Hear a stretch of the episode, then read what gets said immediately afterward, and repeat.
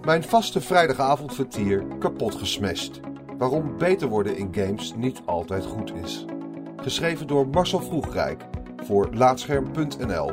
Ingesproken door Arjan Lindeboom. Ik weet nog goed hoe ik in mijn tienerjaren iedere vrijdagavond urenlang met vrienden Super Smash Bros. Melee op de Nintendo Gamecube speelde. Hoewel we door de weeks ook wel regelmatig afspraken, waren die vrijdagen heilig. Dan kwam de harde kern bijeen, zodat we al onze puberale frustraties op elkaar konden botvieren in Nintendo's vrolijke vechtfestijn. Totdat een van ons wave dashing ontdekte en alles verpestte. Ik zie de mensen waarover dit stuk gaat trouwens nooit meer. Twee uitzonderingen dagen later. Ik zal niet zeggen dat die teloorgang van die Super Smash avonden daar geen bepalende rol in heeft gespeeld. Oké, dat is wat overdreven, maar het had zomaar een gegronde reden kunnen zijn. Technische fout. Voor wie het niet weet, wave dashing is een speciale techniek in Super Smash Bros. Melee waarmee je. Uh, tja, ik weet nog steeds niet echt wat het nou precies doet. Volgens mij druk je op de springknop en annuleer je die input gelijk weer door iets met een andere knop te doen, of zo. Als je het echt wil weten, moet je het zelf even opzoeken via het internet. Ik ga het niet doen, dat rakelt alleen maar oud zeer op.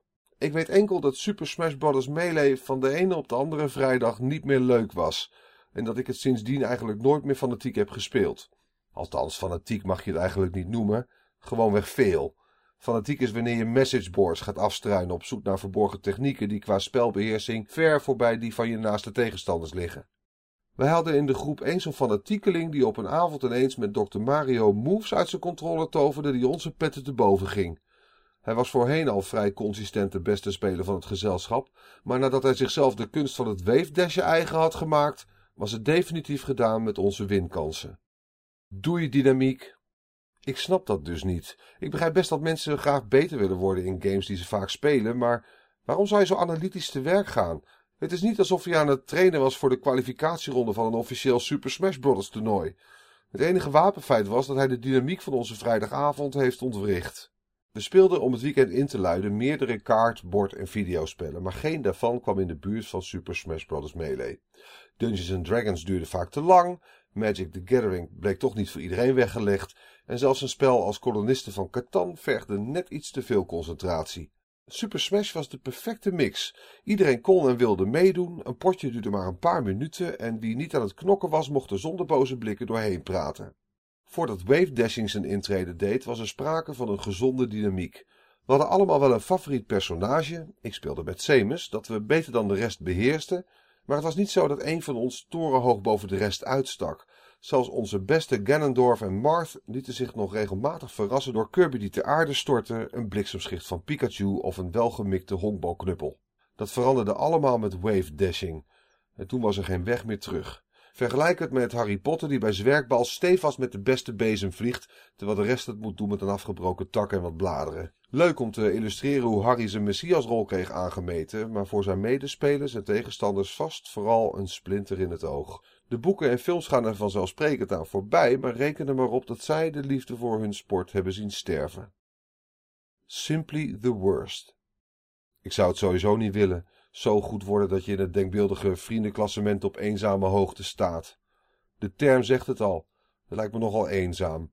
Ik speel al liever coöperatieve games dan competitieve, maar als het dan toch moet, laat het dan alsjeblieft leuk blijven.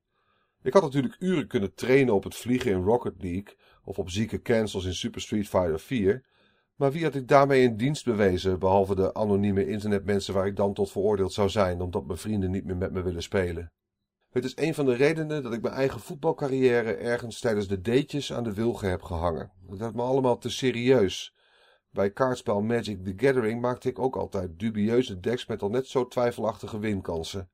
Liever dat dan op de letter en kaart een bewezen formule volgen en daarmee de overwinning binnenslepen. Of in een bordspel krampachtig de status quo trachten te bewaren zodra je een kleine voorsprong hebt opgebouwd, ondanks dat je daarmee het spelplezier van de rest verpest. In RPG's en MMO's zul je mij ook nooit kunnen betrappen op optimalisatie. En spelconcepten als damage per second in Diablo 3 of EV-training in Pokémon kunnen me gestolen worden. De filosofie achter het zogenoemde Fashion Souls is me dan juist weer op het lijf geschreven. Die predikt dat je maar beter iets moois kunt dragen in spellen als Bloodborne of Dark Souls als je er toch minimaal 50 uur naar moet staren. Dat het in tegenstelling tot een dik harnas amper bescherming biedt, neem je op de koop toe. Het maakt het des te indrukwekkender als je zelfs in je gala-jurk nog die onmogelijke baas weet te verslaan. Ik moet daarom vooral grinniken als ik mensen boos zie worden om online games omdat een medespeler zogenaamd niet speelt zoals het hoort. Het zijn toch juist de momenten waarop je tegen alle verwachtingen in zegen viert die je voor altijd bijblijven. Herinner je je nog die voetbalwedstrijd waarbij een team dankzij systematisch balbezit en gedegen positiespel een of andere finale won? Dat bedoel ik maar.